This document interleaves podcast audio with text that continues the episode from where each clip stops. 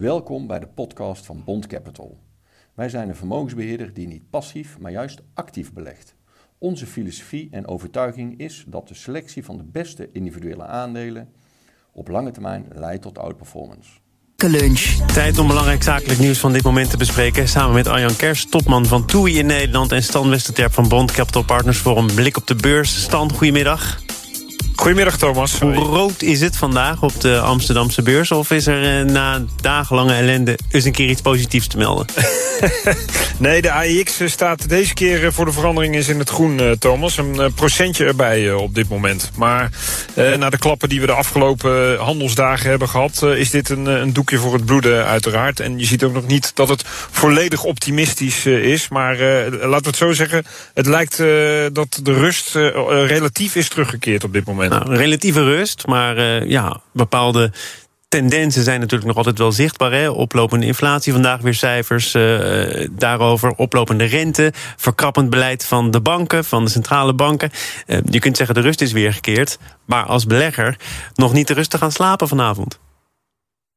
Nee, kijk, er zijn natuurlijk nog genoeg ontwikkelingen die, uh, waar je zelf ook al aan refereert, uh, die ervoor hebben gezorgd dat die onrust is ontstaan, die nog niet, uh, die, nog niet weg zijn genomen. Je had het net ook even met Kees al over de, de problemen in China van de lockdowns. Hè. Dat is ook nog een extra punt van, van aandacht natuurlijk. dus er zijn genoeg redenen voor beleggers om zich richting de nabije toekomst zorgen te maken. maar er zijn ook wel wat lichtpuntjes. Hè. Veel van die, van die problemen die er zijn, die zouden ook over een wat lange termijn weg kunnen hebben. Daarnaast zien we dat de de bedrijfscijfers, hè, we hebben veel van de kwartaalcijfers gehad, eigenlijk redelijk goed zijn geweest. Ook, uh, ook gemiddeld boven de verwachting. Uh, ja, en daarnaast, uh, daar wordt ook al aan gerefereerd, we hebben wel inflatie, maar consumenten hebben wel genoeg te besteden om ook geld uit te geven. Hè. Ook jouw hoofdgast van vandaag, die zal daar inderdaad een duitje voor in het zakje. Is dat zo inderdaad, dat Arjen? Want dat komt nu al een paar keer te sprake. Maar de behoefte om op vakantie te gaan, die is er. En het geld blijkbaar ook. Nou ja, sinds het begin dit jaar zie je een stijgende lijn in de boekingen. En ik denk dat het wel te maken heeft gehad dat mensen ook twee jaar eh, niet konden reizen en mochten reizen. En toch gespaard hebben uiteindelijk om, eh, om nu zo snel mogelijk weg te gaan. En ja, die tendens is er. Dus uh, ik denk dat die, dat vakantiegeld waar je het net over had, daar ook weer een bijdrage aan gaat leveren. maar Stan, jij zegt als je kijkt naar de cijfers die de afgelopen weken naar buiten zijn gekomen, dan zie je toch eigenlijk dat die bedrijven het alleraardigst doen. Geldt dat nou ook voor de bedrijven die wij heel, heel vaak bespreken, de grote techbedrijven? Want die worden al wekenlang, maandenlang afgestraft. Ja, maar dat is inderdaad. De, de cijfers zijn in die zin nog niet zo slecht. Het gaat erom dat de vooruitzichten natuurlijk uh, vaak wat neerwaarts worden bijgesteld. En daar houden beleggers primair niet van. Maar het grootste probleem is toch het oplopen van al die, uh, van al die rentes als gevolg van die enorme inflatie. Dat zorgt er gewoon voor dat het waarderingsvraagstuk uh, verandert. Hè. Toekomstige winsten die worden minder waard op het moment dat de risicovrije rentevoet hoger is. Hè, dus de, de verdiscontering daarvan naar de huidige waarde zorgt er gewoon voor dat we nu minder willen betalen voor dat soort aandelen. En dan heb je het met name over technologieaandelen die hoge groeivooruitzichten hebben en veel winst in de toekomst waarschijnlijk. Alleen dat is gewoon minder waard op het moment dat de risicovrije rentevoet uh, hoger staat. En op het moment dat, daar, uh, dat je daar een kentering gaat zien, dus die harde stijging van die rente, hè, dat daar uh, ja, het, het ergste leed geleden is, om het zo maar te zeggen, dan zal je ook zien dat er wat meer rust komt in die techsector. En dat die, die, die harde koersdalingen van de afgelopen handelsdagen nogmaals, dat die ten einde zullen komen. Alleen, ja, wie het weet mag het zeggen. Uh, we verwachten wel dat dat gaat gebeuren, maar dat, dat, ja, dat is geen sinecure dat dat vandaag of morgen over is. Wie het weet mag het zeggen. Wat we al lang weten is, er komt vergrijzing aan... en dat laat zich in heel veel sectoren voelen. Onder andere in de thuiszorg. Grote reportage, ik meen vandaag ook in de Volkskrant... over hoe dat dan in de toekomst moet. Met een groter beroep op jou en mij, Arjan. Op mensen die dan zelf maar moeten gaan zorgen voor hun vader of moeder... omdat de thuiszorg gewoon op barsten staat. Ja, dat was voor mij ook zeker een uh, opvallende notitie vanochtend in de, in de Volkskrant. En dan val ik eigenlijk een beetje terug. Ik heb zelf 25 jaar in het buitenland gewerkt en gewoond ook. En daar zie je eigenlijk in Zuid-Europa dat dat een normaal gegeven is. Dat ouders op een bepaalde leeftijd dan eh, opgenomen worden door kinderen, gaan daar thuis wonen, worden ook verzorgd door hun kinderen. En dan keek ik eigenlijk altijd met verbazing hoe goed Nederland dit op orde had. En nu in één keer zie je zo'n notitie dat het, uh, ja, alsof we een stap achteruit gaan doen. En dat maakt me wel, dat baart me zeker zorgen. Nederland stond altijd voorop als het ging om het zorgstelsel. En nu in één keer zie je dit naar voren komen. En ik, nou, dat hebben we waarschijnlijk toch wel onderschat. Ja, zie je dat dan in één keer gebeuren? Want het feit dat er een vergrijzingsgolf aan zat te komen, zeker uh, rond 2040. Het feit dat mensen het steeds drukker hebben. Hè, in die reportage komen mensen naar voren die fulltime banen hebben en die dan de zorg voor hun moeder moeten verdelen. Dat dat allemaal niet meer kan. Hè. We hebben hebben sinds kort natuurlijk ook de participatiesamenleving in Nederland. Ehm, maar het is toch niet zomaar dat dit van vandaag op morgen ontstaan is. Hier had toch op ingesprongen kunnen worden. Of is het nou eenmaal zo dat er steeds meer ouderen zijn, steeds minder jongeren en dat het model niet meer uit kan? Nee, de vergrijzing was zeker wel bekend, denk ik. Maar ja, dit twee jaar COVID heeft natuurlijk wel voor gezorgd dat alle sectoren zwaar onder druk zijn komen te staan. En daar zie je dan wel dat zeker deze zorgsector het heel erg zwaar heeft gehad. Ontzettend veel mensen zijn ook richting de zorgsector uh, gaan werken. Ja, en nu in één keer, eh, die gaan ook weer waarschijnlijk nu terug naar andere sectoren weer. Dus er is een verschuiving. En die zorgsector, ja, die heeft een bijdrage geleverd om in deze tijden natuurlijk deze mensen te kunnen verzorgen. En als dat straks namelijk wegvalt, dan hebben we effectief een probleem. Stan, we gaan naar een bedrijf dat het de afgelopen jaren helemaal niet zwaar had. En pas eh, recenter in zwaar weer terechtgekomen is, namelijk Just Eat Takeaway. Dat aandeel staat onder druk. Alweer zou ik willen zeggen. Wat is de meest recente aanleiding? Ja, extreem. Kijk, vandaag valt het wel weer mee. Hè. Eh, analoog aan de AIX een procentje erbij. Maar uh, daar zijn natuurlijk enorme klappen uitgedeeld. Dat aandeel staat, uh, wat is het, 80% lager ten opzichte van de all-time high.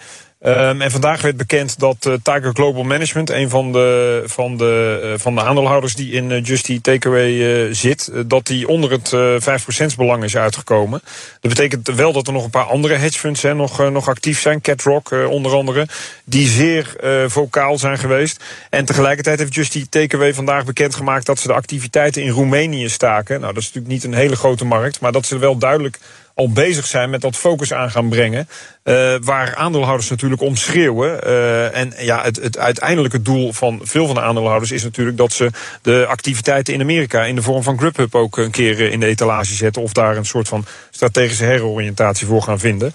Uh, maar het vertrouwen van beleggers in dit aandeel is echt tot een dieptepunt gezakt als je in ieder geval naar de koers kijkt. Maar mogen die aandeelhouders er wel op vertrouwen dat Grubhub inderdaad in de etalage staat? Want Jitse Groen, die lange tijd Grubhub heeft verdedigd, heeft onlangs gezegd: wat mij betreft zijn alle opties bespreekbaar. Er worden ook al onderhandelingen gevoerd om er eventueel afscheid van te nemen.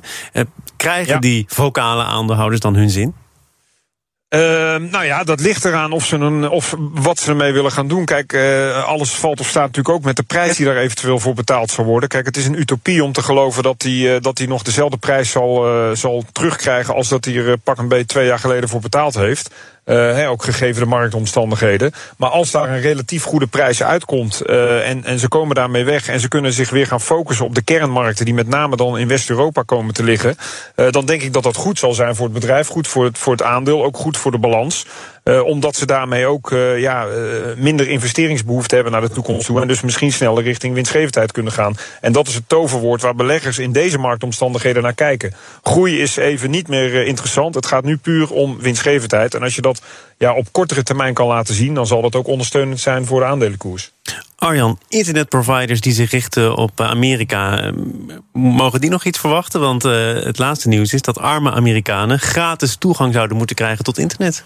Ja, was een opvallende notitie ook vanochtend. Waar ik echt aan dacht, zeker aan de jongere generatie. En dan hoeven we nog eens naar Amerika te kijken. Ik denk ook in Nederland heb je toch gezinnen die het, uh, ja, we horen het over de inflatie, het moeilijk hebben waarschijnlijk om een, een volwaardig internetabonnement uh, af te sluiten. En dan denk ik echt, iedereen, en zeker de jonge generatie, heeft het keihard nodig om in die digitaliseren, digitale wereld een goed internet te hebben. Dus ja, ik denk dat we nog eens ver over de grens moeten kijken, maar ook in Nederland om te zorgen dat daar de mogelijkheden voor bestaan. En op welke manier dan ook vanuit de bedrijven zelf of de overheid in ieder geval een soort ja, bijdrage ze geleverd zou kunnen worden, zodat iedereen, laten we zeggen, een volwaardig en goed internet. Internet als gratis grondrecht. Dat zou misschien ooit wel eens een keer uh, nodig zijn, ja. Stan, heel kort, want we hebben nog even. Heb jij een vraag voor Arjan? Ja, specifiek met betrekking tot de reissector. TUI is natuurlijk een beursgenoteerd bedrijf. Nou, ik heb heel even naar de cijfers gekeken. Die waren natuurlijk dramatisch in 2020 en 2021. Nou, de verwachting is dat dat in 2022 natuurlijk sterk zal herstellen. Maar ik vraag me eigenlijk af of de branche als geheel ook zal herstellen. Of dat er toch nu juist partijen zijn die waarschijnlijk alsnog zullen omvallen. En of dat misschien ook mogelijkheden biedt voor TUI. Dat is een hele goede vraag. Uh, komende donderdag worden onze halfjaarscijfers uh, bekendgemaakt. Dus daar kan ik niet, uh, niet veel over zeggen. Maar aan de andere kant zie je wel dat ik denk dat het moment, laten we zeggen, van, van reizen en het opheven van, van de maatregelen net op het juiste moment voor veel ondernemers is gekomen. Ja, onderweg in deze, dit hele traject zijn natuurlijk ook ondernemers die het net de eindstreep niet gehaald hebben. Maar we moeten ook niet te hard juichen, want er is nog een lange weg te gaan om alles wat we natuurlijk de afgelopen jaren qua schuldenlast hebben opgebouwd ook terug te kunnen betalen. Dus daar ben ik altijd heel voorzichtig in. Maar ik verwacht wel dat grotendeels van de reisondernemingen nu op dit moment ook in een stijgende lijn zitten. Stan Westerterp, dank voor je vraag van Bond Capital Partners. Tot donderdag hoop ik, of niet? Bedankt voor het luisteren naar onze podcast. Wilt u meer weten over Bond Capital? Kijk dan op onze website www.bondcapital.nl. Indien u wilt worden gebeld, mail dan naar podcast.bondcapital.nl.